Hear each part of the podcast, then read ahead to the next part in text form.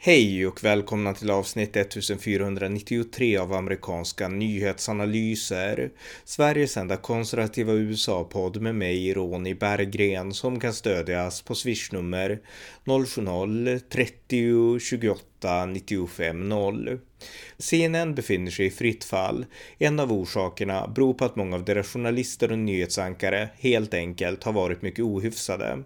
Här är ett exempel från den 7 november 2018 när CNNs korrespondent i Vita huset, Jim Acosta, går i spörsmål mot Donald Trump.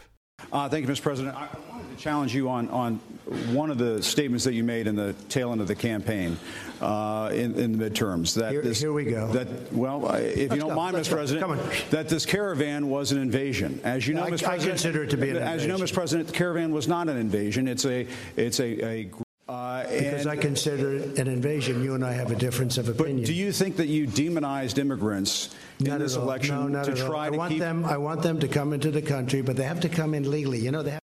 And uh, they're hundreds of miles away, though. They're hundreds and hundreds of miles away. That, that's not an invasion. should- honestly, I think you should let me run the country. You run CNN. All right. And if you did it well, your ratings Let would me be ask, much if better. I, if I may Okay, ask one other enough. question, Mr. President, if I may, if I may ask Peter, one other ahead. question, are you worried? That's enough. That's Mr. enough. President, I, didn't- That's I was enough. going to ask one of the, the other folks. That's had- enough. Pardon me, ma'am. I'm, I'm, Mr. Excuse President, me. That's enough. Mr. President, I had one other Peter, question, if. I may ask, on on the Russia investigation. Are you concerned that that you may have? I'm not concerned about anything with you the may have Russian indictments coming down? investigation because it's a hoax. Are you- That's enough. Put down the mic. Mr. President, are you worried about indictments coming down in this investigation?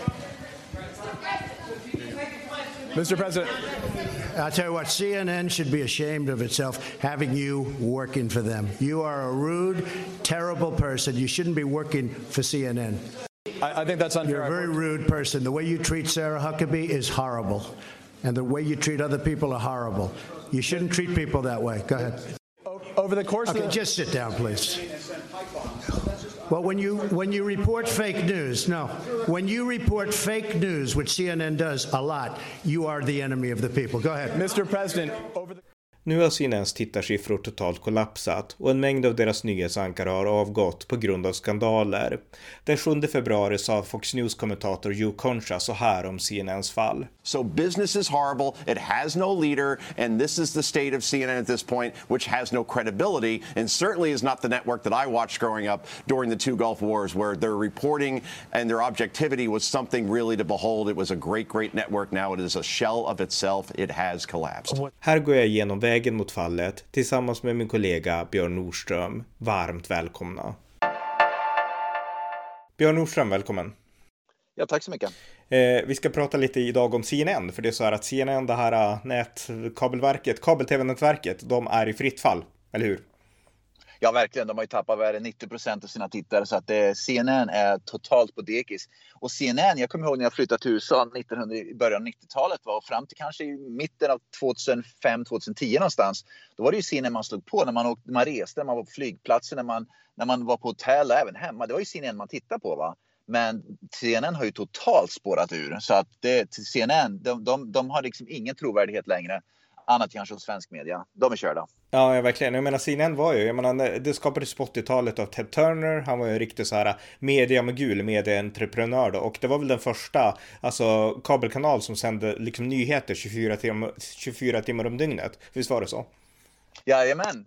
Och de var ju då från början, det var ju meningen att de skulle vara en, vad ska man säga, en hyfsat objektiv media media, eh, media liksom kabelkanal. Va? De var faktiskt väldigt bra med väldigt vad ska man säga, liksom, bra, duktiga, skickliga journalister och var objektiva och så vidare. Va? Men de har ju totalt och jag tror det, man börjar se skillnad någonstans runt 2010 någonstans så började de gå lite mer till vänsterliberalt håll och sen när Donald Trump gav sig in i leken för typ 5-6 år sedan så totalt spolade de ur. Va? Sen dess har de inte lyckats komma tillbaka utan de har gjort den ena värdelösa anställningen efter den andra och journalister har ju fått göra i princip vad som helst utan någon form av etik eller journalistisk hederlighet inom CNN. Att, att ledarskapet inom CNN verkar vara totalt dysfunktionellt. Ja, ja verkligen. Ja, Men nu har vi, vi har dels, vi har pratat ofta i våran podd om Chris Cuomo, att, att det går Ja. liksom riktigt dåligt för han. Nu är det Jeff Zucker, deras chef som håller på att avgå. Men jag tänkte vi ska gå igenom massa olika fall för att jag har suttit och googlat och du har läst liksom om CNNs tabbar genom åren. Och eh, ja, vi kan väl bara prata lite spontant utifrån de här fallen. Jag läste om en sak till exempel, det här var 2014. Då fanns det en kvinna på CNN Newsroom som heter Carol, Carol Costello, en kvinna som eh, ja. hon, hon, man kan säga att hon typ skrattade lite grann hos Bristol Palin. Bristol Palin är ju dotter till Sarah Palin och eh, Bristol Palin, hon hade släppt en ljudfil där det var en man som, eh, jag vet inte om han antastade henne, men det var någon slags liksom otillbörlig liksom grej som hände på något ställe och hon släppte ljudfilen och det här var en tid när CNN och liberal media liksom sågade Palin-familjen rakt av. Man hånade dem öppet och så. Och den här, det här nyhetsankaret, hon, ja, hon, hon liksom skrattade åt, liksom tyckte att ah, vilken, vilken fånig person hon är, Bristol Palin liksom. Och eh, sen fick hon då pudla och be om ursäkt för att så kan man inte bete sig mot en som har liksom upplevt ett, ja, eh, ett sexuellt kränkande liksom. Så att, eh, ja, så att det var ett exempel och det finns ju många som helst. Ja, och jag vet att när Donald Trump var president, hans son, uh, uh, vad heter hans son den yngsta sonen? Eric, Eric. Eh, nej, nej, den yngsta, den yngsta sonen. Ja, okej, okay, den yngsta. Tonåringen där. Ja, okej, okay, han ja. Uh, det borde vi veta. Det borde vi veta. Det borde vi veta. Ja. Absolut. Mm. Men de, vänsterliberal media, säkert CNN också, de hånar ju också honom väldigt mycket. Det verkar som att CNN har inga moraliska spärrar där de säger att vi ska inte håna barnen. Jag kommer inte ihåg att konservativ media, till exempel Fox News, gick ut och hånade till exempel Barack Obamas två döttrar när han var president. Va? Men att jag tror att konservativ media, de har någon slags gräns, de har spärrar. Det finns ett filter som säger att vi går inte efter små barn och hånar dem. Men vänsterliberal media som CNN då, de har inte de spärrarna helt enkelt. Den moralen och etiken. Baron Trump heter Trump. Baron Trump, tack så mycket. Mm. Just det. Ja, ja, han, var, han var väldigt mycket hånad och han, så, han var ju liksom, du vet när pojkar är i tonåren, va, då ser man lite lustig ut och man kanske har en rolig, liten, rolig röst och för rösten förändras ju. Man liksom ser lite liksom, odimensionerad ut och så vidare. Och jag vet vänsterliberal media gick ju efter honom på sådana där saker, vilket var fruktansvärt alltså att man gör. Ja, ja verkligen. Alltså, ja, det hade, och det hade varit helt oacceptabelt om Fox hade gjort det. Men Fox gör ju inte sånt, för de har oftast karaktär. De gör inte sånt, nej. Mm, nej, nej, precis. precis. Eh, ett annat exempel då, det är en person som heter Brooke Baldwin eh, och den personen, eh, det här var 2015, eh, menade att då var det uppror i, i Baltimore, upplopp ska man säga. Och yeah. då menade han att det var krigsveteraner som var liksom ansvariga för det här, för de var väldigt, de kom tillbaka från krig och de liksom, de, ja, de, liksom våld var det enda de kunde ungefär. Eller den kvinna, Brooke Baldwin. Och yeah. hon tvingades också att be om ursäkt för det här sen då. Men, men också det, det visar också lite grann på föraktet som, som fanns där på scenen och finns mot liksom vanligt folk och mot veteraner inte minst som ändå är liksom hjältar oavsett liksom problem och sånt så man kan ju inte prata så om dem. Och det är inte bara det, utan CNN de vänder ju ryggen till vilka det är egentligen som gör de här upploppen på gatorna. Vi såg ju det redan för ett par år sedan när de här Black Lives Matter-upploppen och allt det där. Va? Att de, de går ju aldrig, att de har ju tappat totalt kompassen vad gäller vad en, vad en nyhets organisation ska rapportera om, vilket är vilka är det som är på gatorna och begår de här upploppen och begår det här våldet. Va? Istället försöker man Därför att då har man, de har redan sin agenda och sin ideologi från början. Och det kan ju inte vara till exempel Black Lives Matter eller vänstern eller Antifa eller de där som begår upploppen. Utan det måste ju vara några andra. Och då försöker man hitta några stycken av dem. Och det påminner väldigt mycket om Sverige ungefär. Alltså det måste ju vara rasister, det måste vara nazister, det måste vara sverigedemokrater och så vidare. Va? Man kan ju inte erkänna att det är faktiskt många invandrare som begår vissa typer av brott, våldsbrott i Sverige va? Till, till, stor, till hög grad. Va? Och det är precis det som CNN gör, som hon gjorde. Va? Att man, liksom, man tittar inte vilka det egentligen som går brotten, man försöker dölja det. Och det såg vi också det här i Kenosha och allt det där. Att det, det är liksom det stora problemet, det är ju enligt dem, det var ju Kyle Rittenhouse. Det var ju inte de som verkligen begick upploppen, det, liksom, det, var, det, det mörklades ju totalt. Va? Och du minns ju kanske till och med hur CNN mörklade de här grejerna. Va? De visar ju på gatorna då, de försökte ju visa vinklar då, att det här är ju ingenting. Och sen i bakgrunden så var det ju liksom bilar som eldades upp. Va? Mm, exakt. Medan de lekte att det, inte, det var ingenting på gång. Nej, alltså om det är något som inte, om det är någonting som går emot deras liksom fantasier om hur saker är, då kan man inte berätta det, utan då måste man liksom, man måste bekräfta sitt eget narrativ. Det är liksom så de gör nyheter. Precis, och det är det som gör att CNN har totalt tappat sitt förtroende och inte är en nyhetsorganisation längre. Därför att de rapporterar, de har inget intresse av att rapportera vad som faktiskt händer på gator och torg. De är bara intresserade av att försöka vad heter det, väl bekräfta sin egen ideologi och sin egen agenda. Och de gör allt för att hitta någon bekräftelse på det. Ja, och det finns ju ett jättebra exempel på hur det här verkligen bryter med liksom verkligheten. Därför att vi har i, inledningen här, du har inte hört det, men då spelade jag ett klipp från Jim Acosta från 2018 när han gick i spörsmål i Vita huset mot Donald Trump och han var ju liksom mm -hmm. deras korrespondent i Vita huset och Jim Acosta. Och han höll på att prata om att hur kan du, hur kan du beskriva det här som något hemskt? Och då pratade han om de här migrantkaravanerna eh, som då var liksom, ja, som var på väg mot USA USA, sen vart de ju stoppade tack vare Trump då. Men de var på väg mot USA och han menade hur kan du, kan du prata om de här som någon slags invasion och det här är ju rasistiskt och det här är dåligt och, och Trump han hade helt rätt om man ska lyssna efterhand att vi kan inte låta dem komma in och så här, men hur kan du prata så? Och det är liksom, allt handlade om att Trump säger någonting som inte överensstämmer med min världsbild och då har jag rätt att hacka hur mycket som helst på honom liksom. Det är också ett sånt exempel. Visst, och sen så, det var ju bokstavligen, om du minns de här bilderna, det var ju då tusentals, tiotusentals människor som bara promenerade. Va? Mm. Och Jim Acosta och, och, och, CNN till exempel, då, de lekte som att det är ingenting på gång där. Det är ju inte speciellt många, det är några dussin ungefär. Det är, de spelar ner som att det är ju ingenting. Och sen så fick man ju se då, Fox News var en av de som verkligen visade de där bilderna, vad som pågick. Va? Vad som pågick vid gränsen. Va? Så man såg verkligen skillnaden. Fox News visar så här ser gränsen ut och de visade tusentals människor som bara stod och liksom försökte tränga sig in över gränsen. Va? CNN rapporterade sortera några, några hundra meter bort. Och då var det kanske en person som stod på andra sidan gränsen med en flagga hjälp mig ungefär. Och sa titta det är jättesynd om den här personen. Va? Men de vägrar visa de här tiotusentals människorna som bokstavligen rände över gränsen och som, om, som rammade igenom då gränsvakter och så vidare. Va? Det visade de ju inte. Nej, alltså totalt liksom filtrerad nyhetsrapportering. Det är ju fake news. Det går inte att beskriva på ett bättre sätt. Och jag kan ja, bara, medan vi ändå är kvar vid Jim Acosta på den här presskonferensen. Han vägrade ju släppa mikrofonen också. Alltså han vägrade ja. att liksom Donald Trump sa nu är det nog, nu är du liksom, ja nu får du inga fler liksom, frågor. Men han sa att han bara fortsatte att ranta Jim Acosta. Och då kom det fram en tjej som jobbade åt, ja, i pressstaben där och försökte ta mikrofonen och han, han slog henne inte riktigt, men jag tror han liksom knockade till henne liksom. Det var väl inte med flit och det var väldigt så här extremt ohyfsat och då lät Vita huset ta bort hans pressakkreditering. Han fick inte komma in igen och då började han att prata om att oh, de är emot den fria pressen och sådär. Men, ja. men han betedde sig som ett svin och det framkom inte här i Sverige, minns jag.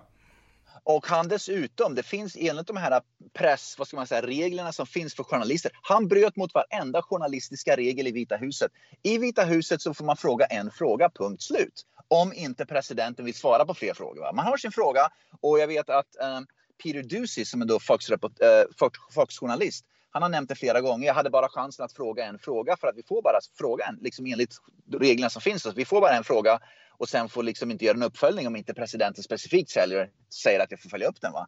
Så Jim Acosta, han bröt mot den, vad ska man säga, gyllene regeln att du får en fråga, du får din chans. För det sitter 200 andra journalister där och har en fråga och sitter och väntar på. Va? Mm. Så att du får din fråga och sen så, och jag vet att det var flera journalister, även då från annan vänsterliberal media som ABC och NBC och så vidare. Va? Som faktiskt, det visade, sa de inte i Sverige, va? men de gav faktiskt Donald Trump stöd. Jag minns att de sa specifikt att vi sitter också här och väntar på vår tur och här kommer Jim Costa och ska ta över alltihopa och försöka göra en cirkus över hela och ska ställa massa frågor när vi bara får fråga en fråga. Så flera andra journalister inom vänsterliberal media var faktiskt upprörda över Jim Costas beteende, att han inte följde de pressetiska reglerna som finns för Vita huset korrespondenter helt enkelt. Men det framgick aldrig i Sverige naturligtvis. Nej, just det det. nej, det var intressant, det visste inte jag heller. Jag hade glömt det åtminstone. Så att, ja.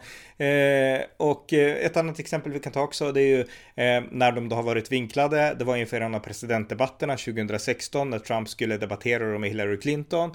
Och då visade det sig att eh, CNN hade läckt, eh, de hade läckt frågorna på förhand till John ja. Podesta som arbetade ja. då för, för Hillary Clinton. Så att ja. Hillary Clintons team hade fått frågorna som CNN objektivt skulle ställa i debatten på förhand och Trump hade inte fått det. Jag menar, det är ju det är en katastrof alltså. Det är ju, ja. Och hela poängen med de där debatterna, det ska ju vara att, att sånt där ska ju hemlighållas. Va? Men det visar ju också exakt vad CNN hade för agenda. Va? Mm. Ja, verkligen. Eh, ett annat exempel vi kan ta, och det här är ett av mina favoritexempel, för det här är en person jag verkligen inte tycker om. Och han heter eh, Reza Aslan, heter han. Han är en yeah. amerikansk iranier. Och han har haft ett tv-program på CNN som hette uh, The Believer Series, om, om liksom religion och sånt tror jag att det var. Och där var en person som var väldigt så här, han var alltid ohyfsad, han var alltid burdus, han kunde aldrig bete sig. Och han skulle alltid liksom skylla på andra. Och i den här sändningen så sa han någonting i stil med att Donald Trump var en piece of shit eller något sådär sa han. Och eh, det här vart eh, i USA så man får inte prata riktigt så på tv då, så att det vart en ganska stor grej. Och han fick, eh, alltså han fick faktiskt gå från CNN, vilket jag tycker var jättebra för han har betett sig dåligt mot liksom Lauren Green på Fox News och han har varit, alltså han, han har alltid varit en riktig liksom, han har varit svin helt enkelt i så många sammanhang. Och jag har varit inne i debatter här i, i Sverige mot Fredrik Malm, inte minst liberalen en gång för flera år sedan, som, som liksom menade att Reza Aslan är så bra och sådär. Men jag vet ju allt han har skrivit och sagt och sådär, så att jag, där hade vi en debatt om det. Men han fick gå i alla fall för att han betedde sig så otroligt lågt. Och när CNN sparkar en journalist för deras usla beteende, det är, då, det, det, då vet man att beteendet måste vara helt fruktansvärt. Det poängen här är egentligen att, att det här visar att en som Reza Aslan och journalister hos CNN, de, har, de tar för givet och de har blivit svana med att CNN låter dem bete sig precis hur de vill. Hur omoraliskt och oetiskt de än vill och de kommer alltid att slinka undan med Nu gjorde ju inte Aslan det, men de har liksom CNN har tillåtit alldeles för mycket. Jag kan, ett exempel, Fox News, jag kan bara som ett exempel eftersom det är liksom vad ska man säga, det konservativa då, CNN, man säger så, skulle aldrig tillåta sådana här Du ser inte, du ser inte journalister i Fox News som beter sig som vänsterliberala journalister för CNN. De existerar inte. Nummer ett tror jag att journalister för Fox News ärligt talat har betydligt högre etik och moral. Nummer två har Fox News mycket, mycket lägre tolerans för ovårdat beteende. Punkt slut. Och jag tror det har att göra med att nummer ett, ledarskapet är mycket bättre i Fox News. Och nummer två, generellt tror jag, jag tror vi kan prata om populationen som helhet. Det ser vi på vänstern. Va? Tittar man på vänstern i Sverige gentemot till exempel Sverigedemokrater och konservativa. Vänstern är mycket mer oförskämd och mycket aggressivare och mycket mer vad ska man säga, skitstövlar helt enkelt. De kan bete sig som skit. Det är liksom en del av vänsterkulturen, den vänsterliberala kulturen. Medan jag tror att konservativa, även i Sverige, de, de liksom har en moral där de känner att jag kan inte bete mig så. Det är liksom bara fel att göra oavsett om jag ogillar den personen jag pratar om. Mm. Det finns mer, vänstern har ingen respekt för varken beteende eller personer. Jag tror att konservativa har mer respekt för meningsmotståndare som, som, som, som personer. Ja, utan tvekan är det så. Vad vänstern lever på, det är att de lever på att de anser att de har en god ideologin och det gör dem som personer goda och de andra har den onda ideologin och det gör dem som personer onda. Och sen så spelar de på det inför allmänheten och menar liksom, de, de tror att de kan prata som om att högersidan, om vi ska säga så, är den onda sidan bara för att de har en ond ideologi. Medan vi på höger, vi ser liksom till personen. Du kanske har en dålig ideologi, men det betyder inte att du är en dålig person liksom. Precis, och det är det som görs. Jag har nämnt det flera gånger på podden här.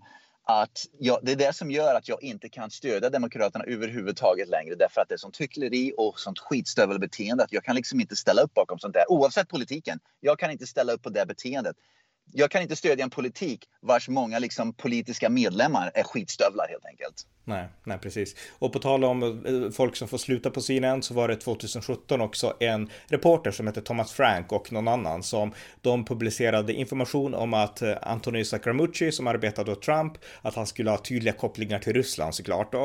Eh, men det här eh, kontrades väldigt snabbt och de var tydligt motbevisade att ni har ju bara skrivit så här utan att ha något fog för saken och det har varit så pinsamt för CNN att de här två fick gå och som, som en drev fram det här. Så att de gör väl någonting när de tvingar tvingas, alltså när de hittas med liksom byxorna nere, då, då sparkar de folk liksom. Men kan de komma undan, då, då gör de det påminner mycket om socialdem Socialdemokraterna i Sverige. De sparkar. Man, de, man, kan bete sig hur som vill, det ser man hur man vill inom Socialdemokraterna. Va? Men det, CNN är ungefär samma sekt som socialdemokratin i Sverige. Va? Man, man, det krävs enormt mycket för att man ska bli av med jobbet. Det krävs enormt mycket för att man ska uteslutas från Socialdemokraterna. Va? Uh, och, och, det visar ju egentligen i grunden vilken unkel, usel kultur som existerar inom, då, inom CNN och inom Socialdemokraterna. Ja, men det finns de som har väldigt lätt för att bli sparkade från CNN och det var i augusti 2021 då, för CNN hade en policy att man måste vara covid-vaccinerad för att få jobba på CNN och då kom det tre personer till jobbet som inte hade vaccinerat sig trots att vaccin var tillgängligt och de fick sparken. Så att där var de ju snabba att sparka. ja, okej, okay, precis. De, de, de, de ville godhet signalera. Mm. Exakt. Jajamän. Ja. Eh, ett annat exempel vi kan ta också då, det är ju den här, eh, det har vi pratat om förut, men det är värt att påminnas om nu när vi ska prata om CNN. Det är Jeffrey Tubin. Han har varit, eh, han har i alla fall varit liksom sidoanställd på CNN, sen har han pratat i massa olika andra sammanhang. Och han har också skrivit för The New Yorker. Och i oktober 2020, då hade han pratat med, med en radiostation på Zoom från i egenskap av representant för The New Yorker då. Och då hade han trott att han hade stängt av Zoom efter konferensen och så hade han börjat sexchatta och typ onanerat inför kameran liksom. eh, och, de hade, ja, och de hade sett det och han var ju anställd av CNN så att CNN de sa helt enkelt så här att eh, alltså de, de, de gav honom inte sparken utan de skrev att eh, Tubin has asked for some time off while he deals with personal issues och which we have granted skrev de liksom så att de lät honom ta ledigt liksom. Men jag menar det är ju, det är ju så absurt. Hade det hänt på Fox då hade han ju rygg på en gång liksom. Så att eh, ja ja. Återigen, det har med moral att göra. Ja. Och eh, en sak till då som, det här var i april 2021 och då var det eh, Project Veritas, det här konservativa alltså, projektet som leds av James O'Keefe. Eh, de lyckades spela in när CNN-teknikern Charlie Chester berättade att de hade aktivt arbetat CNN i valet 2020 för att försöka fälla Donald Trump och han var till och med så öppen att han ansåg att eh, det var CNN som fällde Donald Trump genom att tona ner liksom dåliga saker med Demokraterna och Biden och liksom blåsa upp det här med Trump och verkligen försöka nita Trump. Så att eh, om det var sant att de fällde honom, det är en annan fråga, men liksom de erkände att det var det de var ute efter. Ja, det tror jag inte den enda media heller, men CNN har ju haft en agenda. Deras mål var ju att, att få bort Trump helt enkelt. Punkt slut. De, har inte, de hade ju noll intresse av att, att vara nyhetsredaktion under de här fyra åren Trump var stats, eh, president. Deras enda intresse var att få bort honom. Jo, eh, en sak till också om vi går igenom den här listan, det är att de sparkar förresten en till också. Det var Rick Santorum, den här, eh, han, han är republikan, har varit republikansk presidentkandidat två gånger och han eh, är ju väldigt konservativ, katolik och så. Och de anställde faktiskt honom för att få en konservativ röst och det gjorde att det vart lite mer intressant. Sen höll Santorum ett seminarium eh, 2021 i, på våren där, där han pratade om att native americans, alltså indianer, eh, deras kultur har inte fört in så mycket i den amerikanska kulturen utan USA bygger på det anglosaxiska arvet liksom. Och eh, han menade inte att nedvärdera indianer utan han menade bara att USA vi har idag som tror på religionsfrihet, yttrandefrihet och så. Det, det är ett arv inte från indianerna, inte från spanska, liksom de spanska katolikerna, utan det är från England. Och där har han ju helt rätt liksom. Men det här menade ju sinen, det var rasism så att då fick han sparken och de förlorade sin enda konservativa liksom, eh, ja, motpart så att säga. Så att eh, ja, där hade de också lätt för att sparka. Ja, deras intresse, återigen, CNN har ju inget intresse av att titta på fakta. De har ju en förutbestämd, förutfattad mening att så här ska det vara och säger man någonting, så även om det är helt faktabaserat och det inte faller in i den förutfattade meningen, då måste man ge dem sparken. Och det är det som gör att CNN tappar så mycket, för de kommer ju aldrig att få en enda konservativ liksom tittare att titta på deras program. Va? Det enda sättet är att de ska ha mer konservativa personligheter i, i CNN. Men när de väl får den, då gör de sig av med dem därför att de vill inte handskas med det fakta som faktiskt tas upp som faktiskt, faktiskt liksom är, är korrekt. Oavsett Nej. för att det går emot deras ideologi. De, de hela tiden skjuter sig själva i foten eller i huvudet om man nu vill.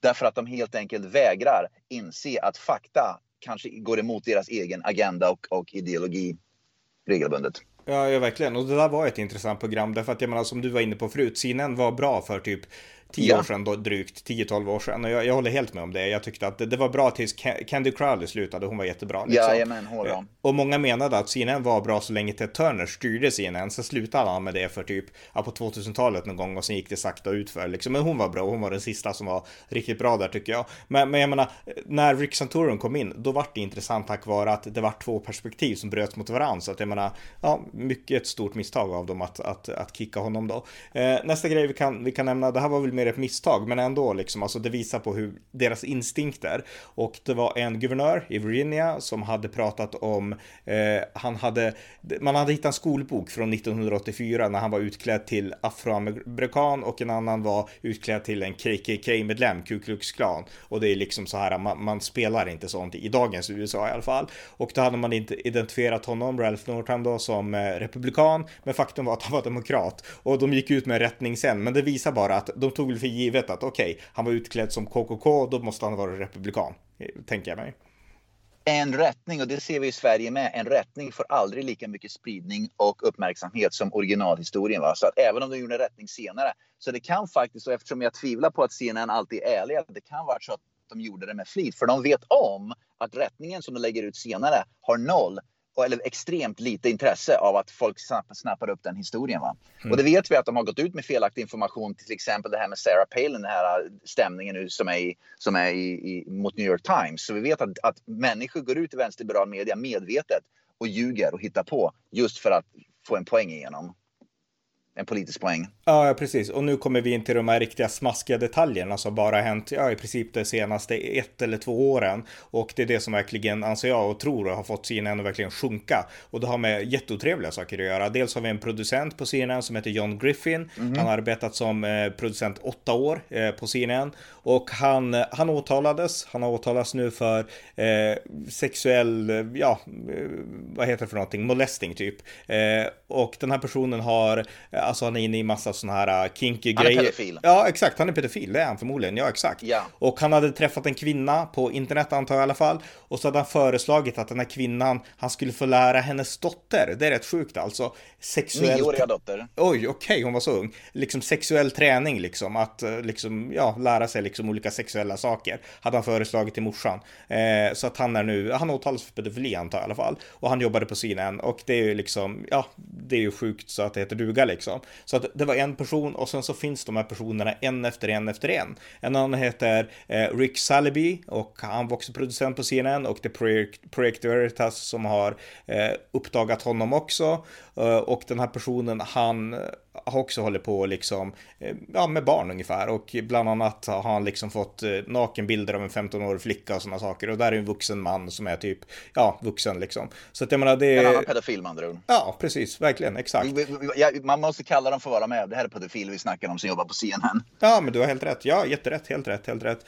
Och, och sen har vi liksom då Chris Cuomo. Honom har vi ältat hur mycket som helst, men vi kan nämna honom i alla fall. Att det som har hänt nu då, att han var ju väldigt poppis där på CNN. Han gick ut och intervjuade sin brorsa, guvernör Andrew Cuomo jätteofta. Och eh, ja, lite så här halvcharmigt. Men han har ju ändå liksom, han har en edge i sin personlighet som är, han verkar liksom inte trevlig. Det märker man på honom även när man ser han shower liksom. Det är ingen som, han verkar inte liksom varm eller vänlig eller sådär, utan väldigt så här testosteronaggressiv. Eh, sen framkom det då att han hade eh, Eh, i samband med att hans bror Andrew Cuomo anklagades för sexuella trakasserier av en rad kvinnor i New York så hade Chris Cuomo gett massa råd och försökt hjälpa honom under bordet och använt sin liksom eh, ställning som journalist och liksom känt nyhetsankare för att liksom göra research på de här kvinnorna och sådana saker och det var ju helt, helt opassande liksom.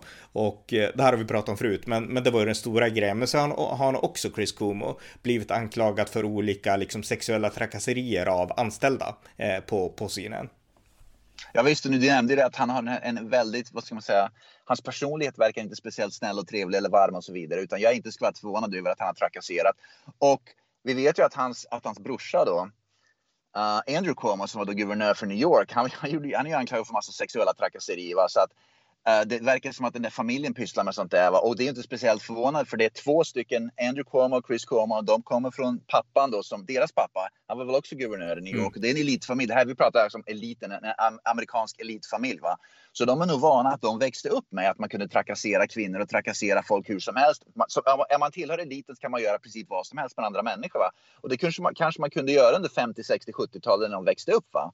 Men det går ju inte det längre, utan nu liksom måste, det, det funkar ju inte på det sättet längre. Va? Men jag tror de lever kvar i den världen där de tror att vi är, vad ska man säga, ungefär som socialdemokrater. Vi, vi är liksom otag, vad ska- vad heter det, untouchable. Mm. Ingen kan liksom, ingen kan röra oss. Vi är liksom, vi kan göra vad vi vill, ingen kan röra oss därför att vi är liksom, vi står ovanför lagen helt enkelt. Va? Men det gör de ju inte längre, är det ju bevisat tack och lov. Nej, exakt. Och nästa person på, på CNN som har också råkat ut för samma öde, det är Don Lemon. Och han är intressant därför att han brukar alltid göra en stor grej på CNN av att jag är svart och jag är liksom ett svart nyhetsankare. Och alltså, han är ju, alltså han är ju, han är rätt ljus tycker jag då. Men, men liksom han är väl svart i alla fall. Och han, men han gör en, hela poängen är att han gör en grej av liksom, åh jag är svart och vilken framgång det är för mig som, för våran ras att jag får sitta här på CNN. Alltså det, är- det är patetiskt liksom. Det, liksom. Ja, det är urfånigt. Men, men Han, han är ja. Homosexuell dessutom. Så han är Just. homosexuell Mm. dessutom. Och han målas ju upp, han, han, han bokstavligen mm, medvetet målar upp sig som ett offer för att om ni anklag, om det är någon som kritiserar mig för, att, för, min, min, för mina reportage, då måste ni vara homofob och rasist båda på en gång. Va? Så han har liksom gått ut från början proactively. Om ni kritiserar mig så är ni homofob och rasister därför att ni kan ju inte kritisera mig för mina reportage utan ni måste kritisera mig i så fall. Er kritik är ju naturligtvis riktad emot mig som min hudfärg och min sexualitet ungefär. Mm, Och det är ja. fruktansvärt att de, de gör så där, alltså att de beter sig så där. För att en, en journalist ska ju kunna ta kritik, va? men då är det genast ras och, ehm, och sexuell läggning som, som han anser att de är ute efter. den eviga offerrollen. Och en sak som hände då, det var, Precis. ja, det var att han, han eh, 2020 i januari, då diskuterade han med Rick Wilson som är en av de här eh, anti-Trump-republikanerna som jag tror var med i The Lincoln Project, eller det vet jag att han var, men eh, då höll de på att håna Donald Trump och Rick Wilson han hånade även Donald Trumps väljare och då började Don Lennon tokskratta liksom att de var lantisar och de var liksom, ja men du vet hur det, hur det lät, deplorables och allt det här liksom. Jajamän. Och eh, Don Lennon Lemon skrattade och hon skrattade åt dem och sådär. Och efteråt så insåg Sinan att det här, det här var inte bra liksom. Eh, vi kan inte håna halva liksom den amerikanska väljarkåren på typ 60 miljoner pers liksom. Så att eh, då fick han ju pudla där då, men liksom och mena att jag, jag skrattade åt ett skämt, inte åt folket liksom sa. Men, men det vart ju rätt fånigt. Men en sak till då, på tal om pedofiler och allt det här. Don Lemon, han är homosexuell, han är svart och han är high profile på CNN. Han har nu också, han kommer nu också att åtalas för sexuella eh, ja, vad ska man säga för något, sexuellt, jag vet inte vad man säger. Trakasserier, men... ja, typ. trakasserier. Ja, och det här är mot en man, för det var så här att han tydligen, ja. han stoppade sina egna händer i sina egna byxor, tog på sitt eget könsorgan, sen så tryckte han upp händerna i ansiktet på den här mannen på, på en bar i, på, på Long Island tydligen. Och eh, ja, nu kommer det här att bli, det kommer att gå till domstol. Och Don Lemon hade velat haft det här, eh, det, det, finns ett term när man kan liksom möta bara en domare som avgör och inte jury. Och han hade velat möta bara domaren, jag vet inte varför faktiskt, men, men det kommer att bli en jury, alltså en riktig rättegång av det här nu. Ja, det är väldigt bra därför att återigen, Don Lemon tillhör ju, han påstår sig ju liksom att jag är en svart och jag är homosexuell och jag tillhör gräsrötterna ungefär, men han tillhör ju eliten va. Och återigen så är de här CNN-journalisterna som tillhör eliten de tror de kan göra precis vad de vill mot vem som helst. Så att det är liksom det korthuset det faller ihop va. Det beror ju på att, och det, det är det som är problemet va.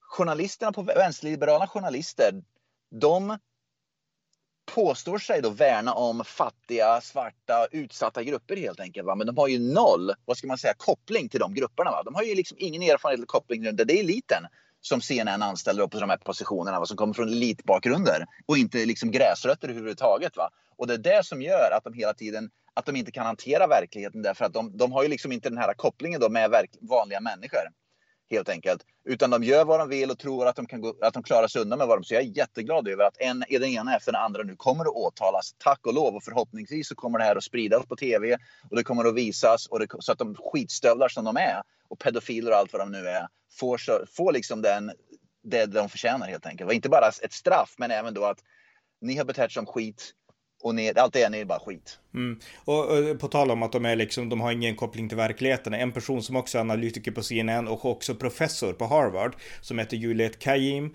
Hon, hon kommenterade den här liksom de här truckers i Kanada, den här lastbilskonvojerna som protesterar mot coronamandat och liknande.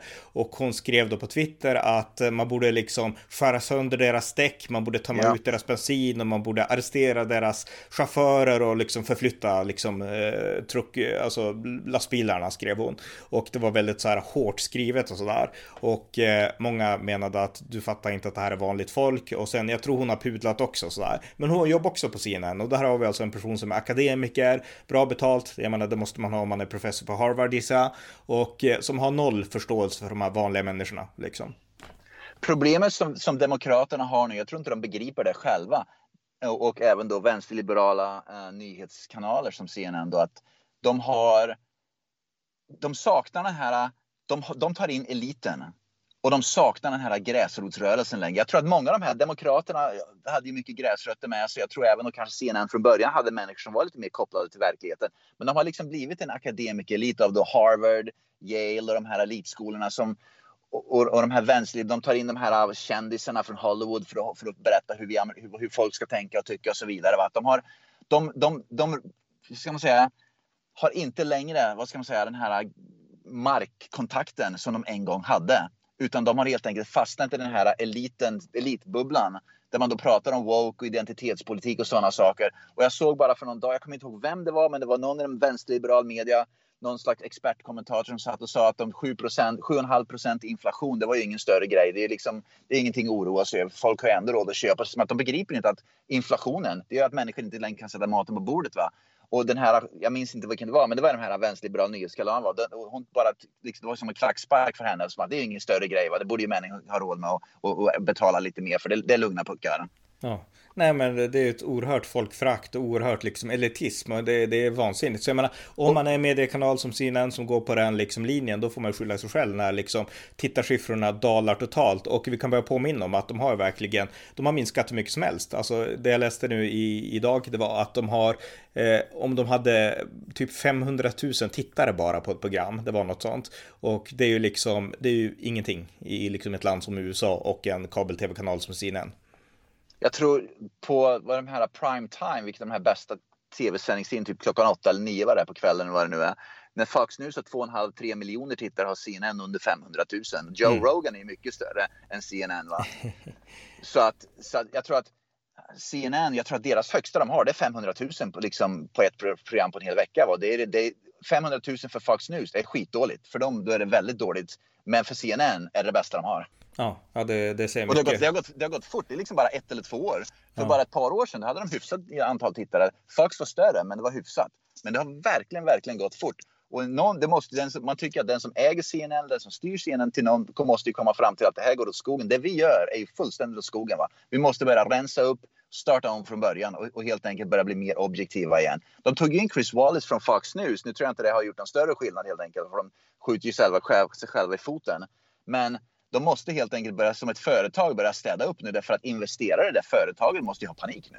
Mm. Han, han, blir väl om han nu kommer igång där, jag vet inte om han har kommit igång redan, men han, han, han blir väl den nya Rick Santorum då som får vara Precis. den republikanska rösten, vi får väl se. Men, men alltså det här ja. är intressant därför att här visar, här i Sverige så är förtroende för CNN fortfarande väldigt stort och eh, ofta så är det rewrites från CNN när man ska rapportera om USA och det är en av orsakerna till att det blir så totalt vinklad nyhetsrapportering. Och jag tänkte berätta en anekdot här i podden. Eh, 2020 så satt jag väldigt ofta i tv-sofforna och kommenterade ur republikanernas och Donald Trumps perspektiv och jag följer ju jättemycket amerikansk media då, som, som ni som lyssnar vet. Men då satt jag i väntrummet där på TV4 och då hade de Rolf Porseryd som skulle in och prata ny, eh, liksom nyheter, amerikanska nyheter, eh, jag tror efter mig. Och eh, vi satt där inne ensamma i deras väntrum på TV4, jag och han. Och då satt han med sin mobil, jag försökte småprata lite grann, men jag märkte att han är väldigt upptagen liksom. Och då satt han med mobilen liksom tätt tryckt mot örat och jag hörde ju vad som sades för det var en högtalare. Och så lyssnade han på CNN i mobiltelefonen och liksom de berättar olika saker liksom. Och ja, okej, okay, tänkte jag. Så gick jag in och gjorde min grej och så gick han ut och skulle prata om USA i tv-sändningen och eh, han upprepade direkt han nyss hade hört på CNN.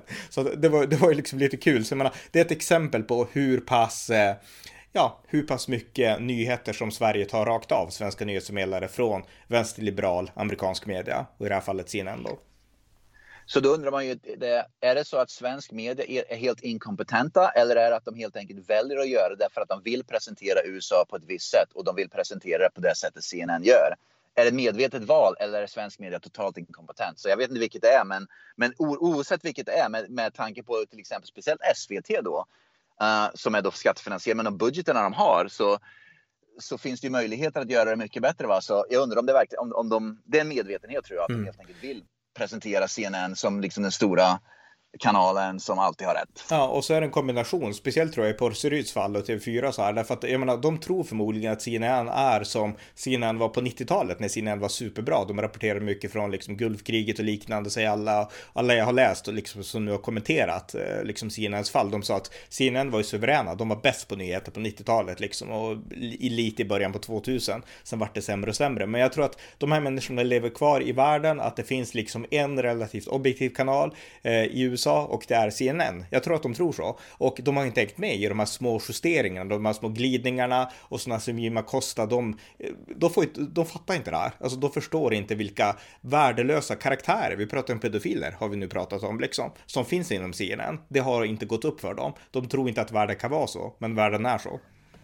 Och jag tror också att det har att göra med att precis som CNN och, och vänsterliberal media i USA anställer journalister från elitfamiljer och liksom från eliten. Va? De, så vi pratar om de har noll markkontakt. Jag tror att många, många nyhetshus i Sverige anställer helt enkelt eliten med. Och eliten då är samma bubbla i Sverige som de är i USA. Det är inte så att de skulle kunna tänka sig att det är som att hur många Sverigedemokrater är det som jobbar i svensk, inom svensk journalistik som har mer markkontakt? Det är ju noll. Utan istället så är det ju massa människor då som kommer från liksom journalisthögskolor som tycker och tänker på ett visst sätt. Man har gått igenom en hel bubbla hela livet va? och har en viss ideologi. Och då fortsätter man ju med den ideologin. Då, då vänder man sig till nyhetsmedia i USA som delar exakt samma ideologi.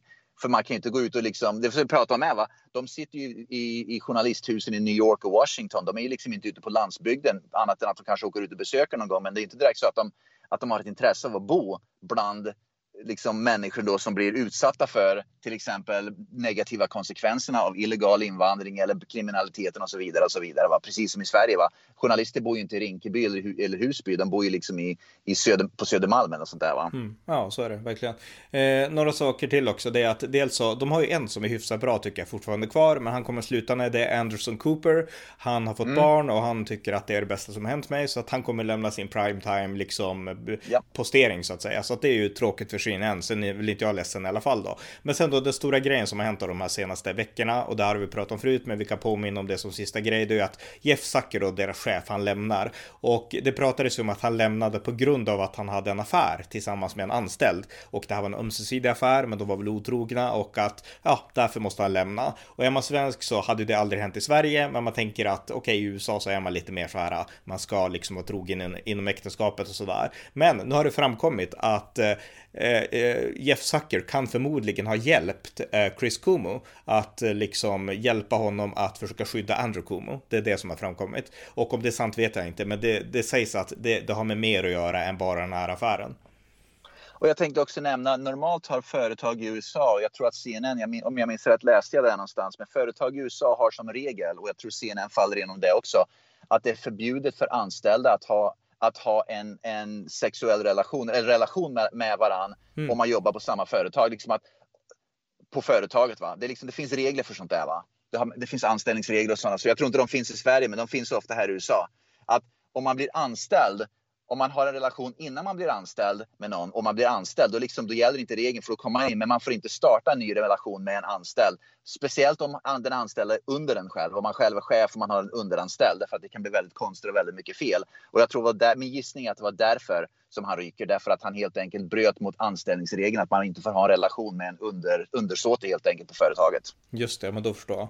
Ja, ja. Nej, men då, då, har vi gått igenom det här. Alltså, vi kan börja avsluta, ja. avrunda och säga att CNN är i fritt fall. Jag menar, det spekulera sig att de här kommer gå KK. Alltså de här kommer inte lyckas resa sig. Utan det, USAs största liksom, mediakabelföretag på 40 år är på väg att gå under. Och skulle det ske så kommer det vara en enorm nyhet. Och då undrar jag om svensk media kommer att vakna upp. Oj då, var, var det så här liksom?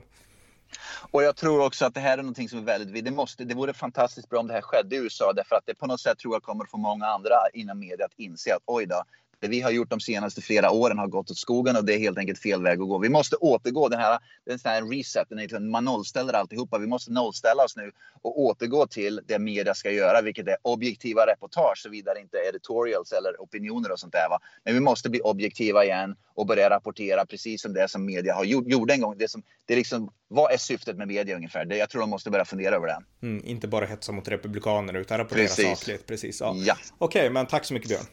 Tack så mycket. Det var avsnitt 1493 av amerikanska nyhetsanalyser. En podcast som finns för att ge det konservativa perspektiv på USA som inte ges i svensk media. Stöd gärna på swishnummer 070-30 28 95 0 eller via hemsidan på Paypal, Patreon eller bankkonto. Det var allt för idag. Tack för att ni har lyssnat.